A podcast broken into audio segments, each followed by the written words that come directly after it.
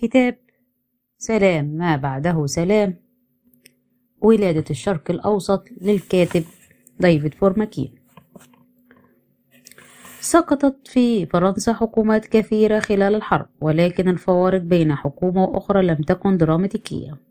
ثم تبدل ذلك في عام 1917 لقد أدى تمرد الجيش الفرنسي في مايو 1917 إلى سقوط آخر حكومة من حكومات فرنسا. زمن الحرب. كان السياسيون يرتاحون إليها. لقد لحق العار بالقيادة التقليدية. فحكومات فيفياني وبريان وريبو سمحوا لها بأن تستقيل. أما حكومة بول بن, بن الفي فلم يسمح لها بالاستقالة بل أسقطها البرلمان الفرنسي في نوفمبر 1917 ولم يكن هناك شخص واحد يمكنه أن يكون رئيسا للوزراء ولو أنه غير مجرب وأنه وإنما قادر أن يقاتل حتى النصر. هذا الرجل كان أكثر إنسانا مرهوبا ومكروها في الحياة العامة. وقد قال عنه لويد جورج لم يبقى سوى رجل واحد وليس من المبالغة القول ما من أحد يريده. كان هو هذا الرجل كان هذا هو الرجل الذي فضح ممارسات الفساد التي ارتكبها زملاؤه السياسيون وهم لم يغفروا له ذلك. كان جورج كليمنسو شأنه شأن لويد جورج وحيدا سياسيا وكان هو أيضا راديكاليا راديكاليا ولو أن هذه الصفة كان لها معنى مختلف في فرنسا. وهو مثل لويد جورج كان حسب الاعتقاد السائد قد تخلى عن مقولاته اليسارية التي آمن بها في شبابه. وعلى غرار لويد جورج كان هو أيضا قد شجب دعاة الصلح على أساس حل وسط فوضع حدا للمحادثات الجارية في هذا المنحى والتي كان الألمان قد بدأوها بواسطة أرستيد بريان في عام 1917 حاسة سمعه كانت قد بدأت تضعف وزاد وزنه. كان في السادسة والسبعين من عمره ولكنه ظل المناضل الذي عرفه الناس طوال حياته. وقد شعر رئيس الجمهورية أنه مضطر لتكليفه برئاسة الوزارة. قائلا عنه هذا الإنسان الشيطان يقف جميع الوطنيين إلى جانبه. وإذا لم أكلفه فإن قوته الأسطورية ستجعل أي وزارة بديلة ضعيفة. كان كليمنسو قبل أي شيء آخر إنسانا لا يعرف إلا الكراهية وقريته الأشد موجهة إلى ألمانيا. فكان آخر فكان آخر ما بقى على قيد الحياة من أعضاء الجمعية الوطنية التي احتجت في عام 1871 على شروط الصلح القاسية التي فرضتها ألمانيا على فرنسا المهزومة. ولم يستسلم أبدا. كان يرى دائما أنه يجب على فرنسا أن تركز على بناء قوتها ضد ألمانيا.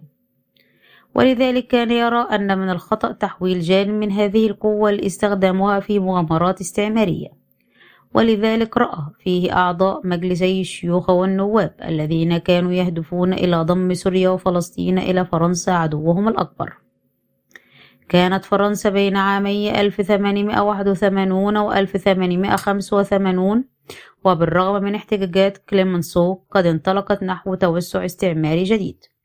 وبذريعة ما قامت أولا بغزو تونس واحتلالها ثم احتلت الدول التي أصبحت فيما بعد تشكل الهند الصينية.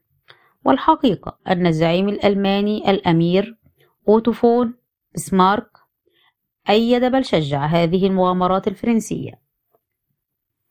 وفي السابع والعشرون من شهر نوفمبر عام 1884 قال كليمنسو مخاطبا مجلس النواب الفرنسي أن بسمارك عدو خاطر وهو ربما كان أشد خطرا كصديق. لقد دلنا على تونس فأوقعنا في نزاع مع إنجلترا.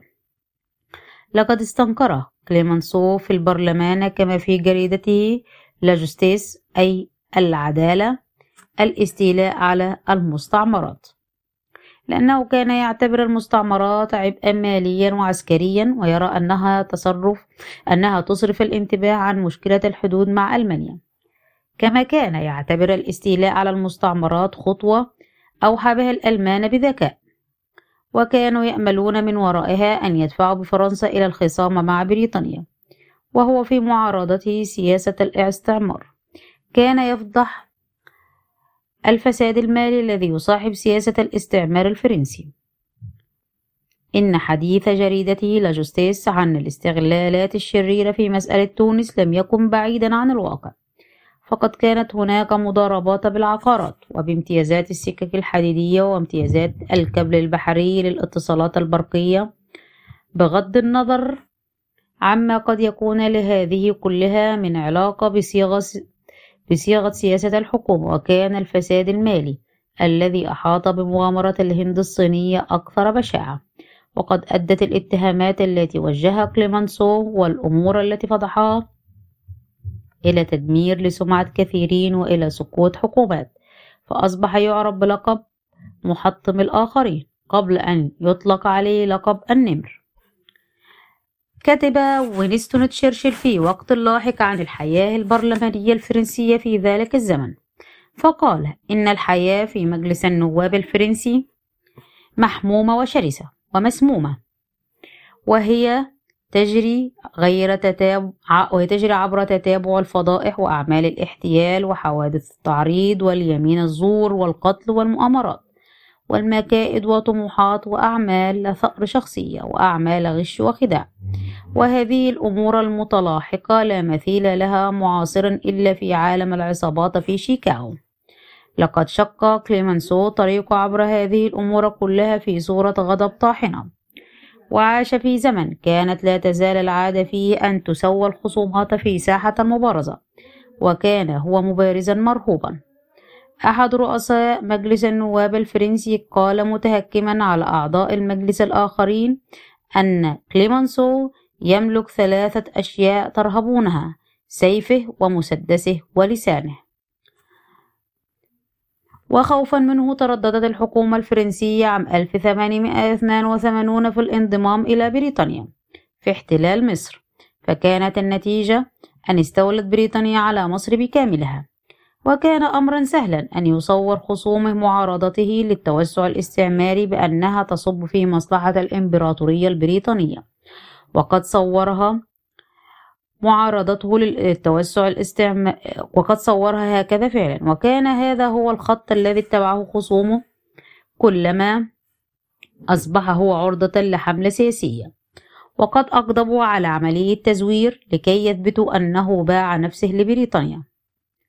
فاستؤجر بعض المشعوذين لكي يسيروا خلفه وهم يرددون الكلمتين الإنجليزيتين أو يس أي آه نعم وزعت نسخ مجانية من جريدة تتضمن صورة كاريكاتيرية تظهره وهو يلعب ألعابا خفية بأكياس من الجنيهات الإسترلينية.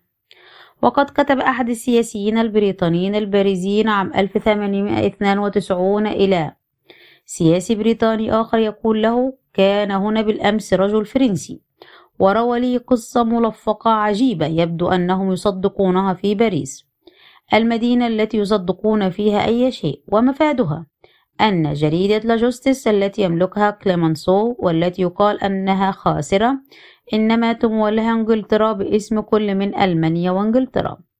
وفي عام 1893 هزم كليمنسو عندما رشح نفسه لإعادة انتخابه وهكذا أبعد عن الحياة البرلمانية مدة عشر سنوات. كان هذا هو الرجل الذي لجأت إليه فرنسا اليائسة وهي في أحلك ساعاتها في عام 1917 والذي ما لبث أن فرض إرادته على حكومة بلاده وقد أصبح هو أيضا مثل لوي جورج شبه دكتاتور لزمن الحرب.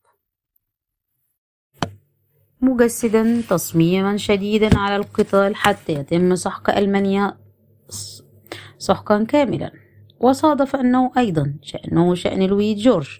حمل معه إلى الحكم وجهة نظر خاصة بشأن السياسة في الشرق الأوسط.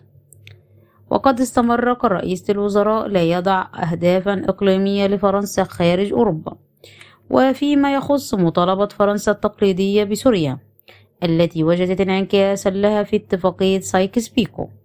قال كليمنسو إنه إذا استطاع لويد جورج أن يحصل لفرنسا على حق إقامة محمية هناك فلن يرفض ذلك.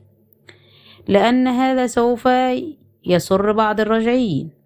أما هو نفسه فلا يعطي الأمر أي أهمية. إن مجريات الحرب والسياسة قد جلبت إلى الحكم في بريطانيا أول رئيس وزراء يريد الاستيلاء على مناطق الشرق الأوسط. وجلبت إلى الحكم في فرنسا السياسي الفرنسي الوحيد العازف عن ذلك. انتهى التسجيل.